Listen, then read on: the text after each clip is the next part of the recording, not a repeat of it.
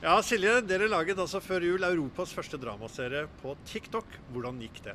Du, Det har gått over all forventning. Vi var jo fryktelig spente, for vi gjør jo noe helt nytt. Eh, men vi har sett at dette har truffet målgruppa veldig godt. Publisert aller siste episode lille julaften. Og har til sammen fått over 5,5 millioner visninger på bare 30 episoder. Så vi er veldig, veldig fornøyde. For en som ikke kan alt om visningstall på TikTok, hvor bra er det? Jeg vil si det er ganske så bra på så kort tid og så få episoder. Så vi vet definitivt at vi har truffet. Men best av alt så kan jo også ROS rapportere om at de har opplevd en økt pågang av gutter som tar kontakt i den fasen som vi har publisert. Og det er jo det viktigste. Ja, for hva er det dere tror dere har truffet med denne serien Toxic?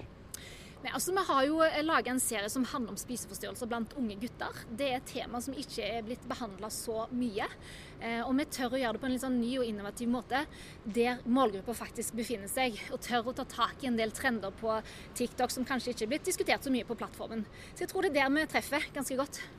Hva må man tenke på når man skal lage en dramaserie på TikTok? Det høres ut som to ting som ikke går i opp. Det er på mange måter det. Det er fryktelig mye å tenke på. Og det er ikke bare å presse et vanlig dramaformat inn på denne plattformen. Man må tenke på ganske mye forskjellig som har med plattformen å gjøre, og hvilke ja, verktøy man skal ta i bruk, og hvor langt det skal være. Dramaturgi må kanskje tenkes annerledes om. I det hele tatt, dette er et studium. Blir det mer eh, toxic? Det blir så definitivt mer toxic. Vi er i full gang med sesong to. Eh, og så håper vi også å få produsere og lage mye mer drama etter hvert på denne plattformen her. Takk skal du ha.